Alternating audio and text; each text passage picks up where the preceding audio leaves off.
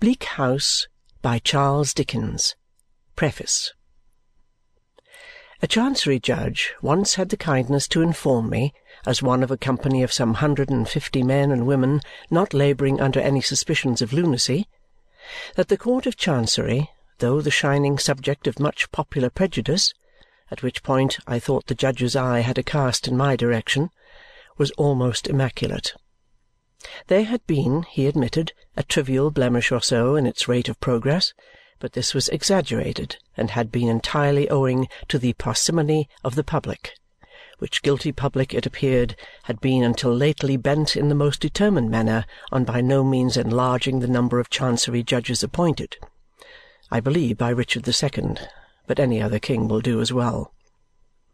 This seemed to me too profound a joke to be inserted in the body of this book or I should have restored it to Conversation Kenge or to Mr. Vholes, with one or other of whom I think it must have originated.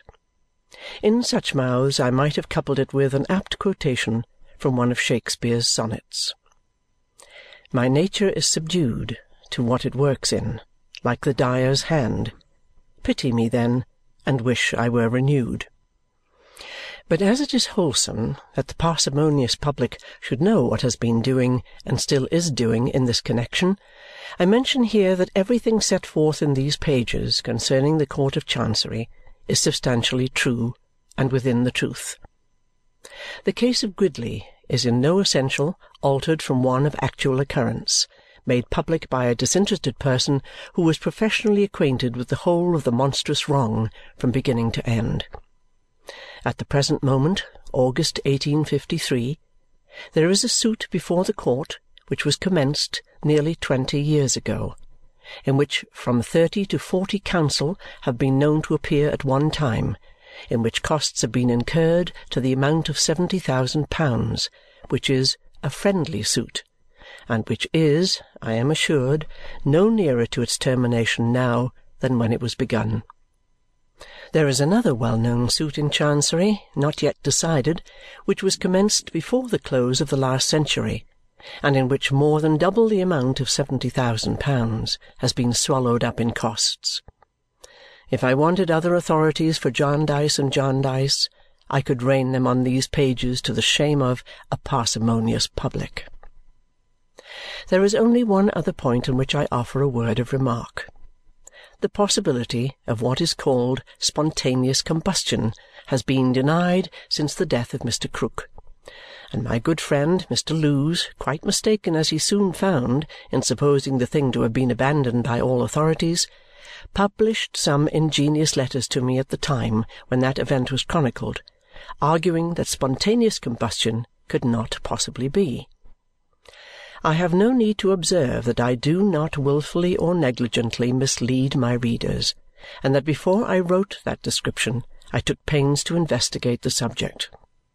There are about thirty cases on record, of which the most famous, that of the Countess Cornelia de Bardi Cesenate, was minutely investigated and described by Giuseppe Bianchini, a prebendary of Verona otherwise distinguished in letters, who published an account of it at Verona in 1731, which he afterwards republished at Rome.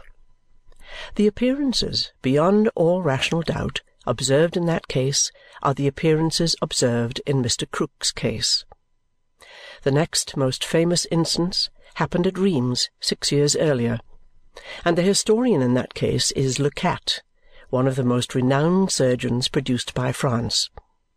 The subject was a woman whose husband was ignorantly convicted of having murdered her, but on solemn appeal to a higher court he was acquitted because it was shown upon the evidence that she had died the death of which this name of spontaneous combustion is given. I do not think it necessary to add to these notable facts and that general reference to the authorities which will be found at page 30, volume 2, the recorded opinions and experiences of distinguished medical professors, French, English, and Scotch, in more modern days, contenting myself with observing that I shall not abandon the facts until there shall have been a considerable spontaneous combustion of the testimony on which human occurrences are usually received. In Bleak House I have purposely dwelt upon the romantic side of familiar things. 1853.